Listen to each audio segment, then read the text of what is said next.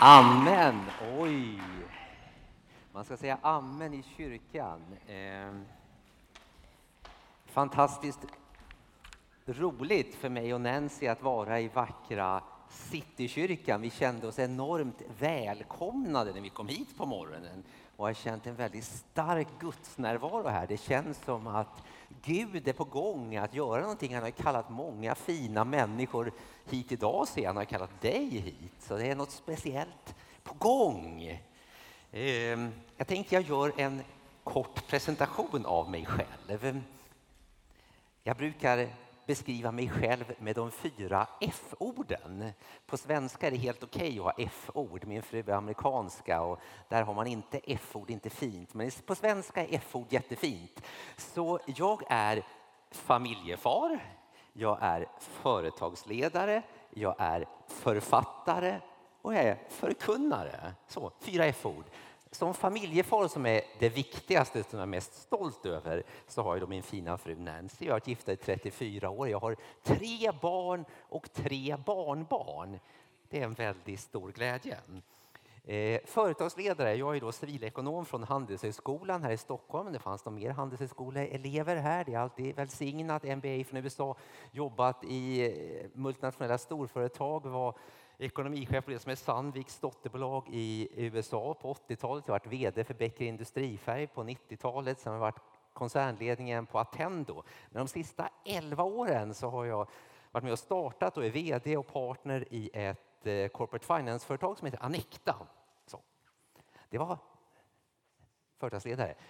Författare, ja. Eh, du gjorde ju en fantastisk insats här eh, och berättade om två böcker som jag hade skrivit. Jag har skrivit fem. Den första som jag skrev skrev jag ihop med min tvillingbror Jan-Gunnar. Han sitter här på andra raden.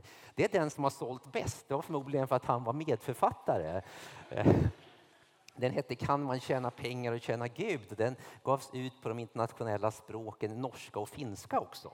Ja och Sveriges Televisions religionsredaktion dedikerade faktiskt ett helt program just till den boken. Och förkunnare, ja det var sista F, här är jag! ja, och jag har ju faktiskt förmånen också för tredje året att få vara lärare på er jättefina Ibius bibelskola i kärnämnet förvaltarskap.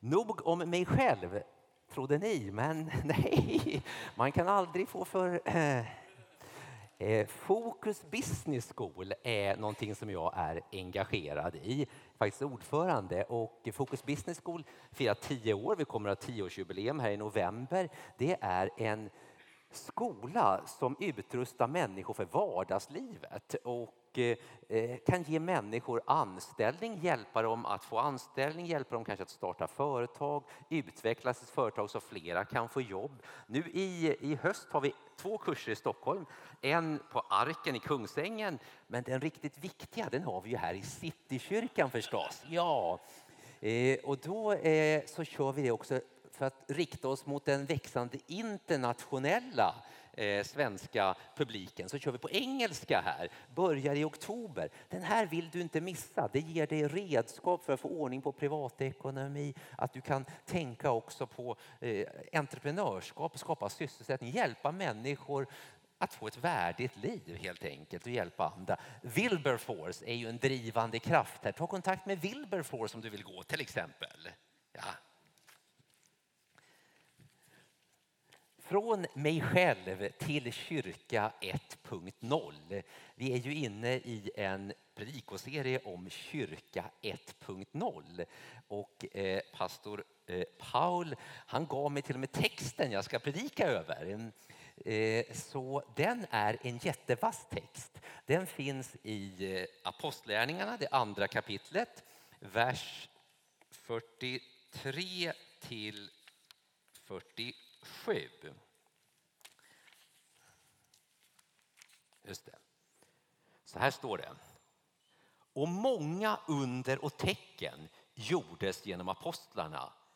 Alla de troende var tillsammans och hade allt gemenskap hade allt gemensamt. De började sälja sina egendomar och ägodelar och delade ut till alla efter vars och ens behov.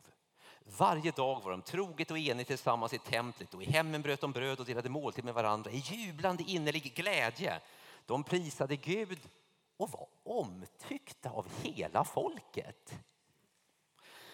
Och Herren ökade var dag skaran med dem som, lät, som blev frälsta.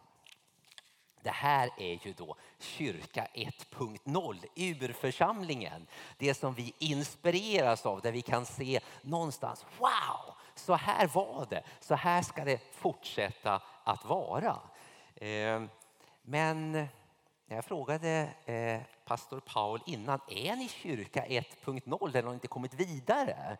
Eh, och då förstod jag att kanske ni här i Citykyrkan inte är kyrka 1.0 utan ni har kommit vidare. Och det är ju trots allt så att det här beskriver någonting som hände i Mellanöstern för 2000 år sedan. Och jag tror att man måste ha en förståelse för att det som hände då är på ett sätt någonting helt unikt. För första gången berättas det att Jesus, han gjorde under, botade sjuka. Så spikade de upp honom på ett kors han dog, men på tredje dagen uppstod han från de döda. Vi har sett honom. Han är Guds son. Omvänd och tro. Anden föll. Bara tala i tungor. Liksom. Wow! Det är helt unikt. Men tänk dig då om det är så att din mormors farfar mötte Jesus i väckelsen på 1800-talet i Sverige. Och nu så har tron gått vidare i fjärde generation. Och du har hört det här. Det är lite annorlunda. Utmaningen är hur för du över tron till dina barn och barnbarn med något som är välkänt.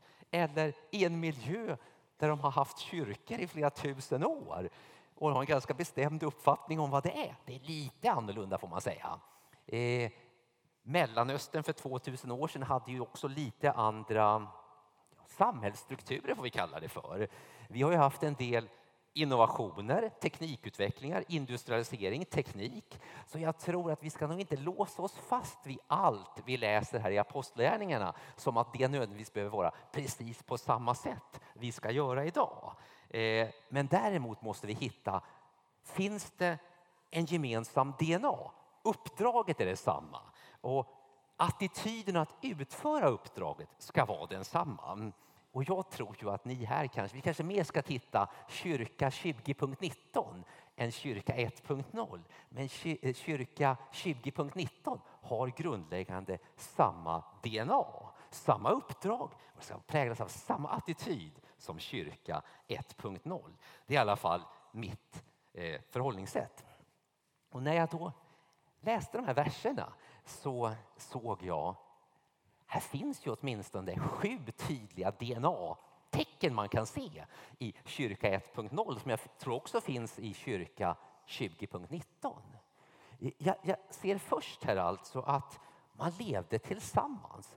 Det fanns alltså inga singelkristna i den här eh, första eh, förstå mig rätt, jag menar alltså, det var inte singel i inte bemärkelsen att man var ogift, det är inte det jag pratar om. Det fanns många singelkristna, så det, det, är inte det. Va? Men man levde inte sitt liv där man satt hemma i sin lilla eh, lägenhet i Stockholm och sa, jag vill inte vara med i en församling. Nej, alltså, utan man var med Eh, och ni vet, Sverige är ganska extremt. Vi är det mest individualistiska landet så man vill egentligen bara vara sig själv. För trots allt Ja, det handlar om, kan en svensk tycka idag. Men i kyrka 1.0 och i kyrka 20.19 så är det tillsammans. Du kan inte leva din, ut din kristna tro helt ensam. Så Den är viktig. Och det står också att de var väldigt överlåtna och trogna till gemenskapen. Och det tror jag inte är någonting som var kulturellt Mellanöstern 2000 år sedan. Det tror jag är lika aktuellt Citykyrkan kyrka 20.19. Man överlåter sig till gemenskapen och är trogen. Både när det går bra och när det går mindre bra. Och så, det tror jag. Det tror jag är en liksom sån DNA som fortfarande sitter i kyrkan. Som har gått vidare från 1.0 till 2.0 och 3.0. För det tredje läser vi att många under och tecken gjordes. Och jag tänker, det här, Jesu gärningar, de fortsatte i kyrka 1.0. Och jag tror att här i Citykyrkan 2019 så fortsätter Jesu gärningar. Man kan uppleva övernaturliga mirakel. Människan kan bli botad från sjukdomar och se Guds ingripande. Det tror jag är relevant. Det står också att människorna var glada. Läste du det? Alltså innerlig glädje, jublande glädje. Och det är inte konstigt för att Guds rike är rättfärdighet, frid och glädje. Så jag tror att Citykyrkan, kyrka 20.19, kommer att präglas av glädje. Det är en del, det ligger kvar från 1.0, att vara glad. Och sen den här är ju lite nästan utmanande, men jag läste den och jag tror inte att det var så att säga, jag tror att den gäller fortfarande. Det står att de var omtyckta av folket. Har du tänkt på det? Är du omtyckt av folket? Är Citykyrkan omtyckt av folket? Nu frågar jag inte, är, är Citykyrkan omtyckt av det religiösa etablissemanget? Eh, är Citykyrkan omtyckt av det politiska ledarskapet? Jag frågar, är Citykyrkan omtyckt av folket? Och då tänker jag, ni som radade upp er här, du som höll tiden på en minut och 30 sekunder. Alltså, där tror jag ni är omtyckta för att ni, ni, ni betjänar människorna som de är. Ni accepterar människor som de är. Och därför så tror jag att ni är omtyckta av folket. Och jag tror vi fortfarande, i vissa sammanhang så tar man en stolthet i att vi ska inte vara omtyckta. Ju mindre omtyckta vi är desto mer man kan inte vara lik Jesus i alla fall. Har du märkt någon som inte tycker om Jesus? Alla gillar Jesus. Och så ska vi vara lika Jesus, men ändå ska folk liksom hata oss för vi, vi är emot det här, vi är emot det där. Alltså, nej, jag tror att den kyrka som är 20.19 är faktiskt omtyckt av folket. Och så står det också att Herren ökade varje dag. Skaran bara växte. Det är liksom, tillväxt är naturligt, inte bara i kyrka 1.0 utan i kyrka 20.19. Det är, det, är, det är DNA, det är tillväxt. Det är därför det kommer mer och mera folk till Citykyrkan. För att ni har den här DNA. Det är liksom en del av det. Och sen, jag sparade det bästa till sist. Man levde i radikal generositet. Det fanns en vilja att leva för andra. Du läste väl de här verserna? Jag läste dem. Hörde de här verserna? Alla de troende var tillsammans och hade allt gemensamt. De började sälja sina egendomar och ägodelar och delade ut allt till alla efter vars och ens behov. Det är radikalt. Wow. Har du funderat på det någon gång? Att du skulle sälja allt du har och ge till Citykyrkan? Någon var ärlig i alla fall och sa nej. Ärlig ärlighet är också någonting som präglar kyrka 20.19, lite kyrka 1.0. Eh, eh, jag vill då säga att den här versen är nog Eh, en av dem som har varit absolut mest missbrukade. Vad säger du Per-Olof, är du inte bokstavstroende? Det står ju att de sålde allt och hade allt gemensamt. Ska vi inte göra det? Det står ju det. Jag är väldigt bokstavstroende. Jag tror att de sålde allt och hade allt gemensamt. Det tror jag. Däremot tror jag inte att det här är normerande. Jag tror inte att det här var någonting som gäller för kyrka 20.19. Eh, om det hade varit så att det gällde för kyrka 2.0 och kyrka 20.19. Varför när Paulus skriver till församlingen i Efesus talar inte om för dem? Och så måste ni sälja allt och samla ihop det och så låter ni apostlarna och, och Joje och, och, och, och Paul ta hand om det. Varför sa ni inte det när ni skrev till församlingen i Korint eller alla de här församlingarna? Ingenstans finns den instruktionen. Och när du ser det här skeendet, det är inte ens Petrus som säger det. Det är ingen av apostlarna. Det var ett spontant skeende. Har du tänkt på det? Så det är sant att det skedde, men det står aldrig någon som säger att ni ska göra det. Och det står aldrig i några andra församlingar att det här skulle vara. Däremot, du som har studerat samhället och lite, läst lite kyrkohistoria eller samhällskunskap.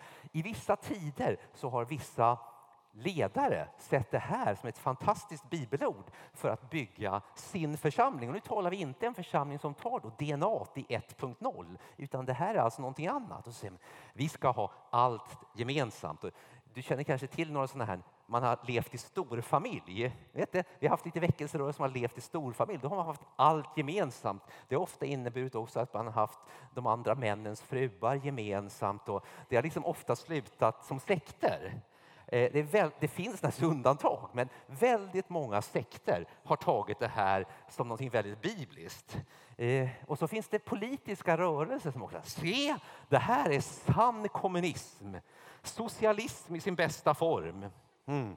Och det innebär alltså att jag har rätt att begära in allt. Nu säljer ni nu säljer ni av alla era fastigheter och alla era besparingar och så ger ni dem till ledarskapet här på först. Ni sitter ju fyra här, fyra stycken ser jag.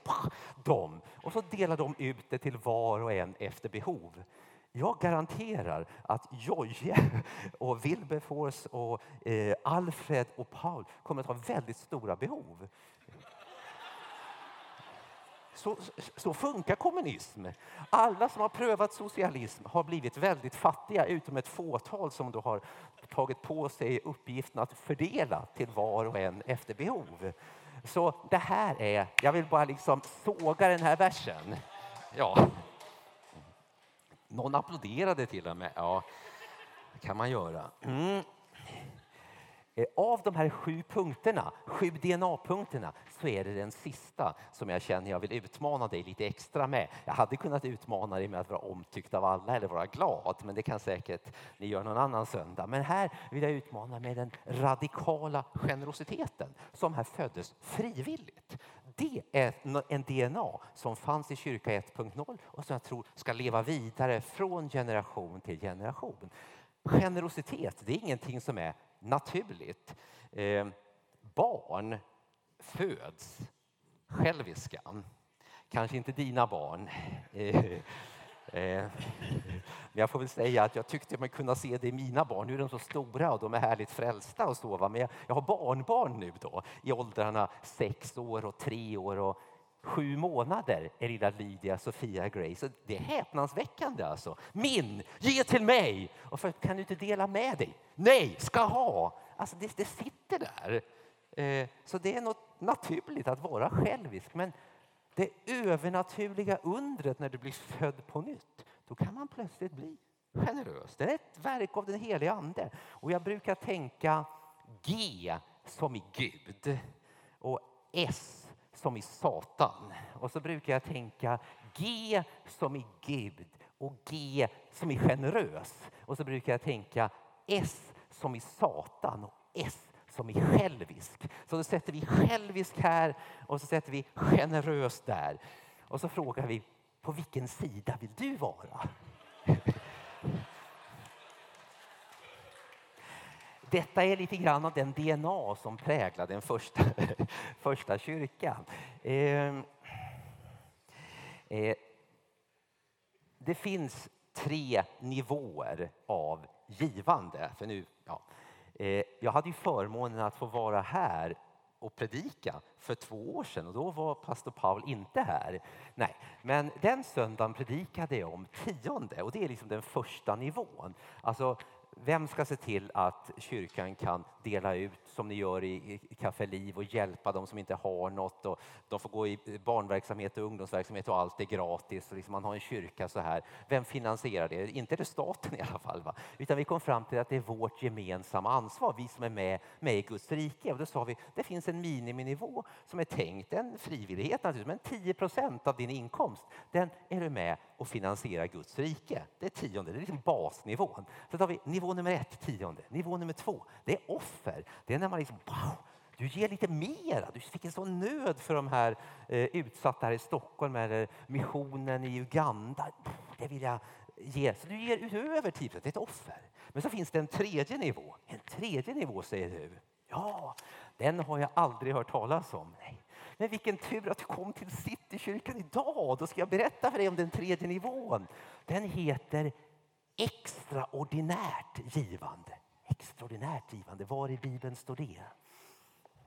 När man läser Bibeln måste man titta efter principerna, kanske inte efter orden. Du hittar inte ordet budget i Bibeln, nej, men principen finns där. Extraordinärt givande står inte omnämnt som extraordinärt givande, men du märker att det finns ibland. Ibland så är det alltså människor som, igen, jag betonar, av fri vilja. Och ett sådant exempel på extraordinärt givande menar jag är den här kyrka 1.0. Den tidiga rörelse, Jesus har uppstått från de döda. Wow, anden faller. De tar talar i tunga, i nya språk. Folk låter döpa sig. Folk bara wow, jag ger upp allt för det här. Jesus har frälst mig. Det är bara, det finns ju inga gränser. Jag säljer huset. Jag ger allt. Det är ett extraordinärt givande och det är ofta inte varje vecka eller varje månad eller varje år. Men det är vi, det händer.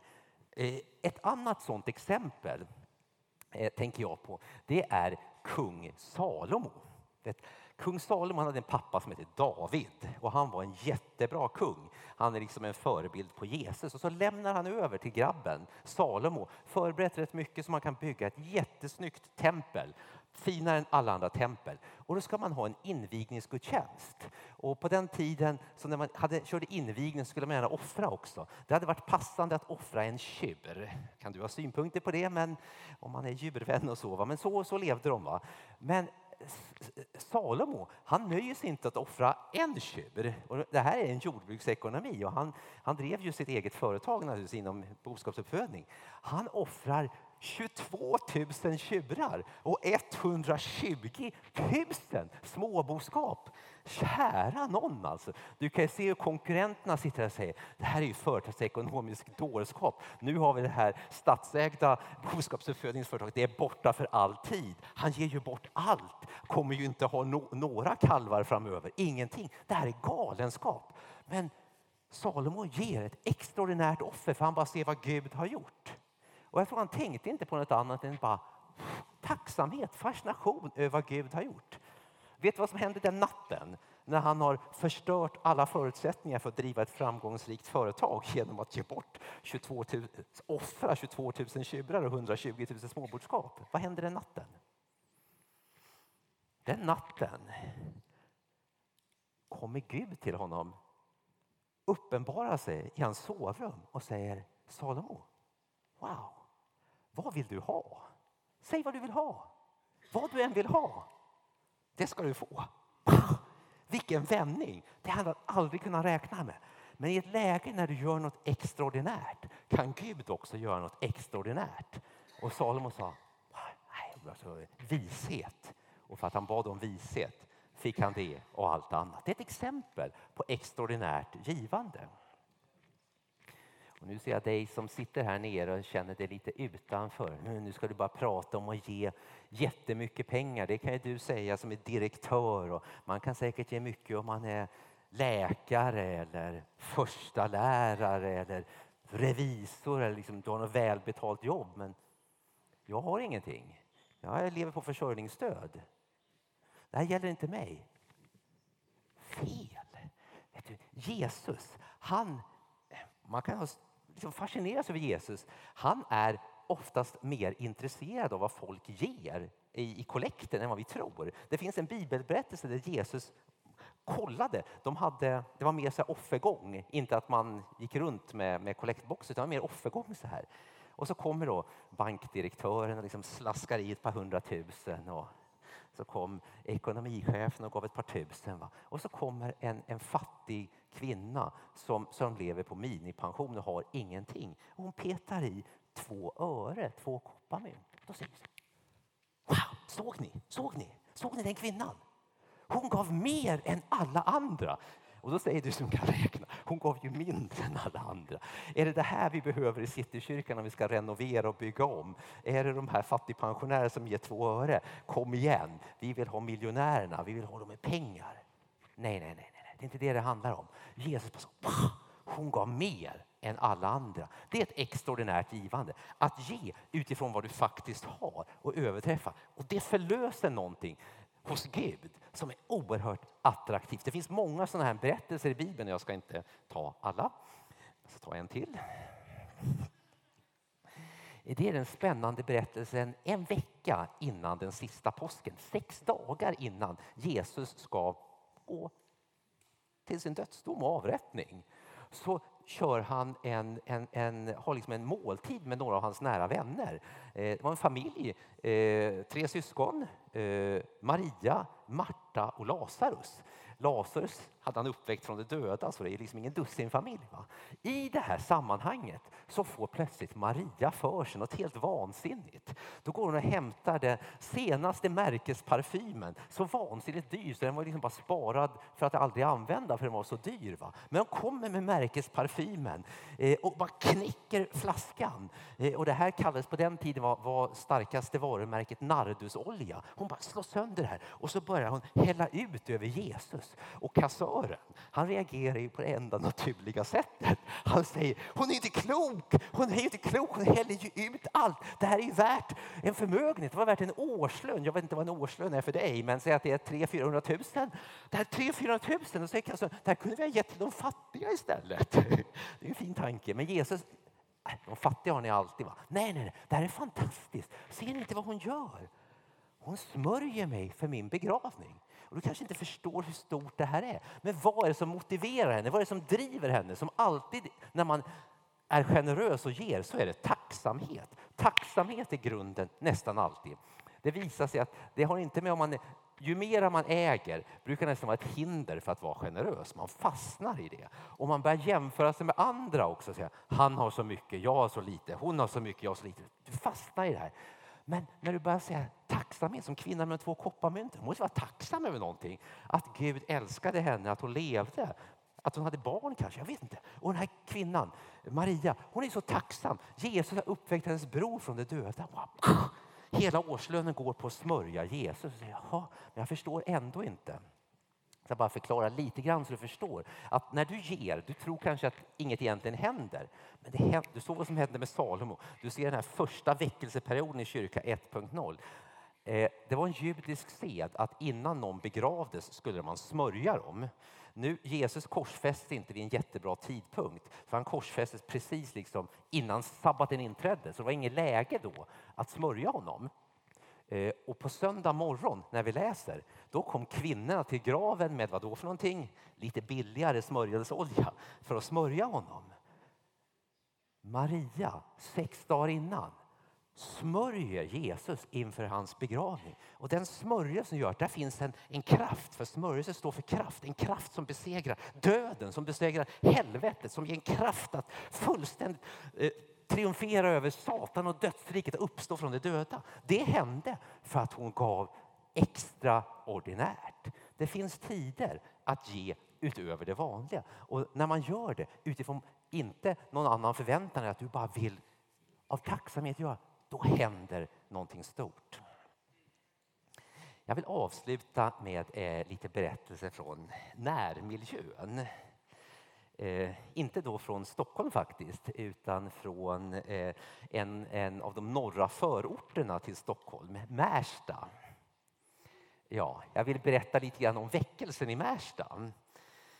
Ja, eh, Märsta är en ort som eh, kan vara lite bortglömd och förbisedd. Har människor möjlighet var de ska bosätta sig väljer de ofta hellre Östermalm eller Kungsholmen eller Norrmalm eller någon annan eh, centralt läge. Men ibland så kommer man ju inte åt bostäderna här, de är så dyra och då kan man bosätta sig i Märsta. Ja, så är det. Eh,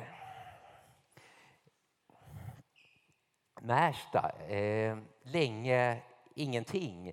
En tågstation mitt mellan Stockholm och Uppsala. Det fanns två företag, något som hette Matsilver och 1923 etablerade man en färgfabrik där, men annars ingenting.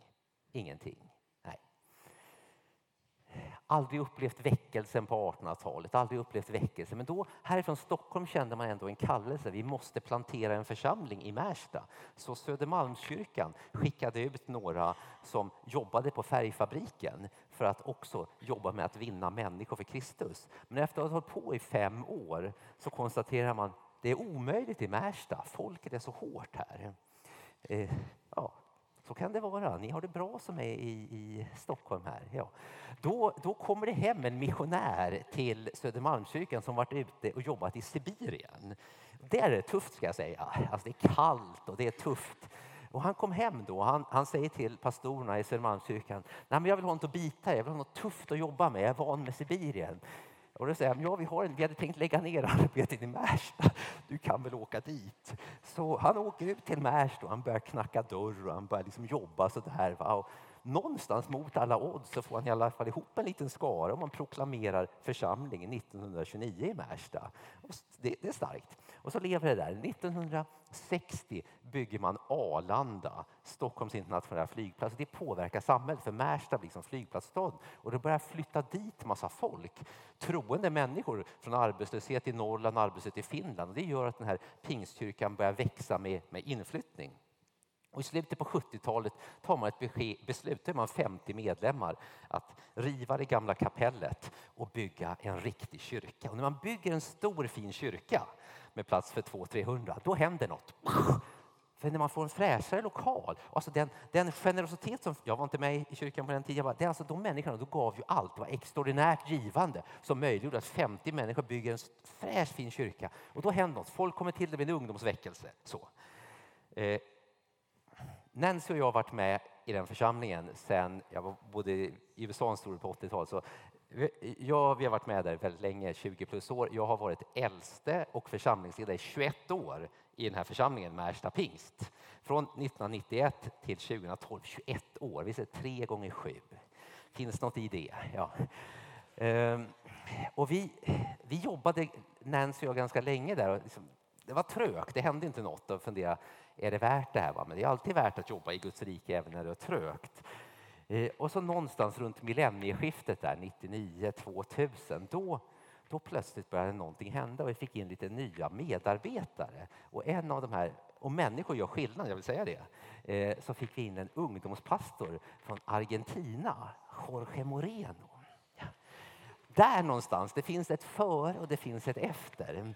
Och här har vi, vi då stått i en församling och grottat på i, i tio år. Och, och liksom, ja, det har känts väldigt, ja, ibland upp, ibland ner. Men då börjar någonting hända.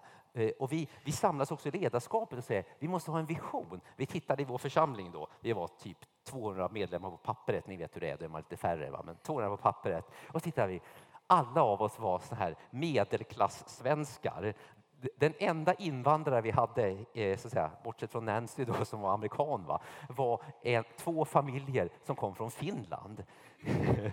och så, så, tittade vi i Märsta och du går ut och tittar så där. Och såg ut lite mer som det ser ut här om jag säger så. Då. Ja. Och då sa vi teamet, äldsteamet, men alltså det här är ju inte klokt. Vi måste ju avspegla samhället, vi måste ju nå ut till människorna. Så vi började be för det. Och så sa vi också, vi ska inte kopiera Uppsala, vi ska inte kopiera Stockholm, vi ska söka Gud för något unikt här. Och så började vi göra det och då hände någonting. Vi började döpa människor. Döpte 31 år, döpte 41 år, döpte 51 år. Jag, jag gillar så att hälsa på folk och träffa dem sådär. Va? Det kom mycket folk, det är alla möjliga sorter. Va? Eh, men sen, när jag, vad ska man göra sen när de kommer tillbaka? Då hittade jag ett vinnande koncept. Då tog jag dem och sa här, och så förde jag dem till jojen. Och, så, och så, så, gick det då liksom, eh, någon månad så var de döpta. Så det var ett väldigt vinnande koncept. Så, Eh, så i detta så, eh, så hade vi en väldig församlingsväxt. Vi, vi, vi hade förskola, vi startade natthärbärge, vi hade eh, bibelskola, vi skickade ut missionärer, vi startade, det bara växte. Och i det här så stod det i den här kyrkolokalen, här får max 300 personer samlas. Vi har mer än 300 på söndagarna. Och då behöver vi söka Gud för en ny lokal. Och det är inte lätt. Eh, jag vet flera kyrkor i Stockholm som har upplevt att det är ganska svårt att hitta lokal. Eh, det är inte lättare i Märsta. Jo, det är lättare i Märsta. Vi blev anvisade mark ute på landet där man kunde bygga. Vi tackade nej. Så Men så fanns det Arlanda stad. Jag vet inte om ni kanske inte känner till de här norra förorterna, men i slutet på 1980-talet, början på 90-talet, då hade man stor framtidstro. Då satsade man på att bygga väldigt mycket. Sen kom det en fastighets och finanskris mycket som ett resultat av det. Men i Arlanda, i Arlanda stad så byggde man då jättefina byggnader. Och bland annat byggde man ett stort, eh, Trygg Hansa byggde 5 000 kvadratmeter utbildningscentrum. Och när bank och finans bygger då bygger man inte med samma materialval som frikyrkan. Nej, så det här var en, det var en magnifik pjäs alltså. Hus nummer ett hette den i Arlanda stad. Sen kom finanskrisen 1991 och bara slog omkull allt det här. Och då gick SEB in och köpte Trygg Hansa och sa det här är inte kärnverksamhet. Men då hade Trygg Hansa och SEB skrivit ett tioårigt hyresavtal med fastighetsbolaget, ett börsnoterat holländskt som hette Rodamco. Så i tio år därefter så betalade man hyra och det fanns ingen där. Och när vi börjar söka efter byggnad för att vi, så faller våra ögon på denna byggnad och vi säger wow, Gud har sparat den här för oss. Vi börjar, men så börjar du se, det är ju omöjligt. Den var byggd för över 80 miljoner. Vi tittade på vår byggnadskassa. Nu kommer jag inte ihåg hur mycket vi hade i vår byggnadskassa, men jag tror att vi kanske hade Säg att vi hade 100 000 då. Va? Och då minns jag, Jojje, var ju med i församlingsledningen. Vi sa 100 000, vad räcker det till? Och då sa vi, nej men vi måste tro Gud. Så då bestämde vi, gav bort de där 100 000 till pionjärmission istället, så vi hade inget. Det är sån där, du vet, mänsklig dårskap. Så sa vi, nej men det, det vi har, vi har ju trots allt den här kyrkobyggnaden. Nu kan jag säga, om du har en, en frikyrka som är byggd som en kyrka och du sätter ut det på bostadsmarknaden, hur många potentiella köpare vill köpa en kyrka? Det är inte så många. Vi tänkte, här har vi ett värde i alla fall. Men då fick vi katolska kyrkan som faktiskt de var villiga att köpa det. Nu var det en sak kvar. Vi skulle, är det Guds vilja att vi ska köpa den här stora byggnaden, 5000 kvadratsbyggnaden, byggd för över 80 miljoner?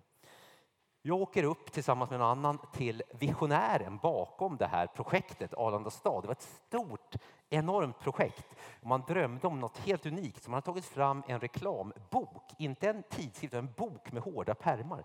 Skickat till alla politiker och makthavare i Sverige för att man skulle sätta sig på kartan. Visionen om Arlanda stad.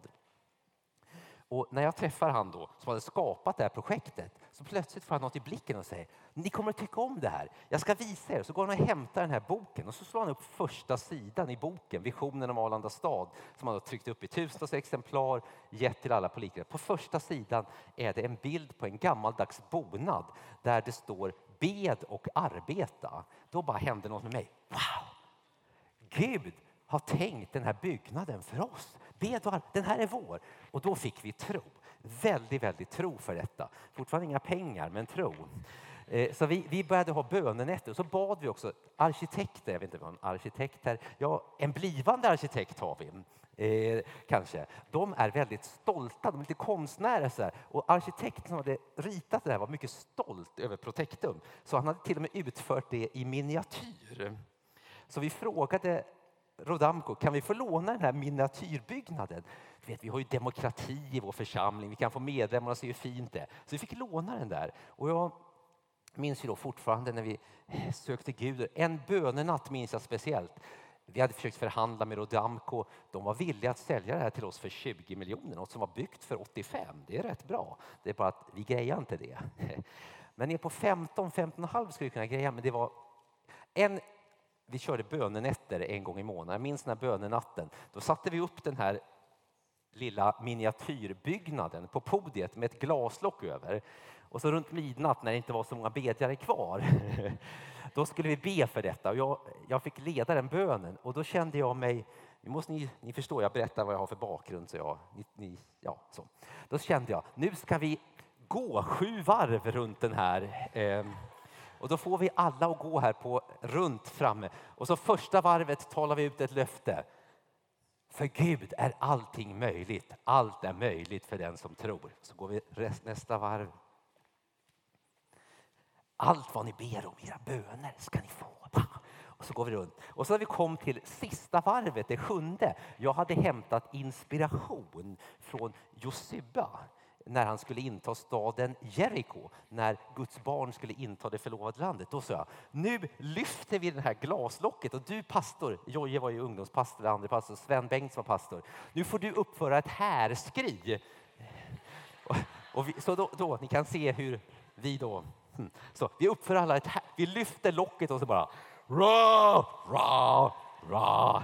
Och då när vi lyft, lyfter av detta lock, eh, det var här framme, då, då bara känner jag. Det är som man är, jag var nere i Göteborg både tisdags och fredags. Alltså. Det är som man är i Göteborg och man står vid havet och det bara liksom regnar och bara, bara stänker upp vatten. Jag säger till han som står bredvid, kände du? Ja, det stänker vatten. Jag tänker, hur kan en arkitektkopia av ett litet, en byggnad med ett glaslock över. Om vi tar loss glaslocket, hur kan det stänka ut vatten? Jag tänker, det kanske var kondens under locket. Men nej, förstår, det är Guds härlighet. Då bara Gud ska ge oss den här byggnaden. Så på måndag ringde jag upp han på Robert Damko då, som förhandlade och sa du, jag har en idé. Du släpper den här för 15,5 så får du ta det här. Det var något aggregat, någon generatoraggregat nere i källaren. Ni hör, jag kan inte sånt här. Det, det är väldigt värdefullt. Och karln säger ja. Ja!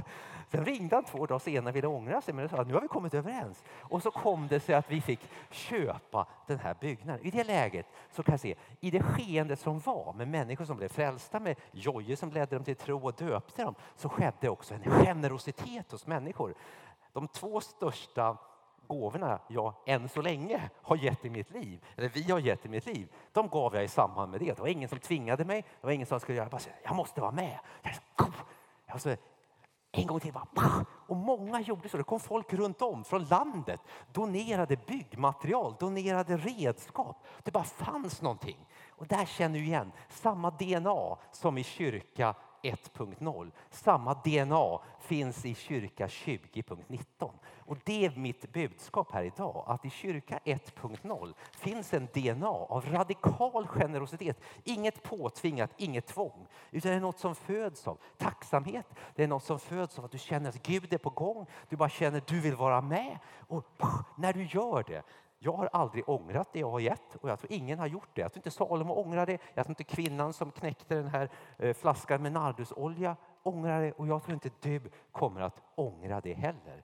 Och jag, jag vill bara se att det här med radikal generositet, det är en del av den DNA som vi är bärare av i Guds församling genom alla tider. Ska vi be tillsammans. Fader, jag tackar dig för att du är en generös Gud, att du inte gav det näst bästa utan du gav det absolut bästa, din enfödde son Jesus Kristus. Jag tackar dig för att du vill vårt bästa och vi tackar dig för, för den DNA som finns nedlagd i kyrkan av, av glädje, av tillväxt, av övernaturlighet, av överlåtelse men, men också av generositet. Och jag bara ber att vi som är här idag ska bli bärare av ett generöst sinne, ett generöst hjärta. Och jag tackar dig för att det inte handlar om absoluta pengar utan att det handlar bara i relation till dem vi är. Tack för det i Jesu namn. Amen ska Alfred komma fram och ta över här. Och, ja.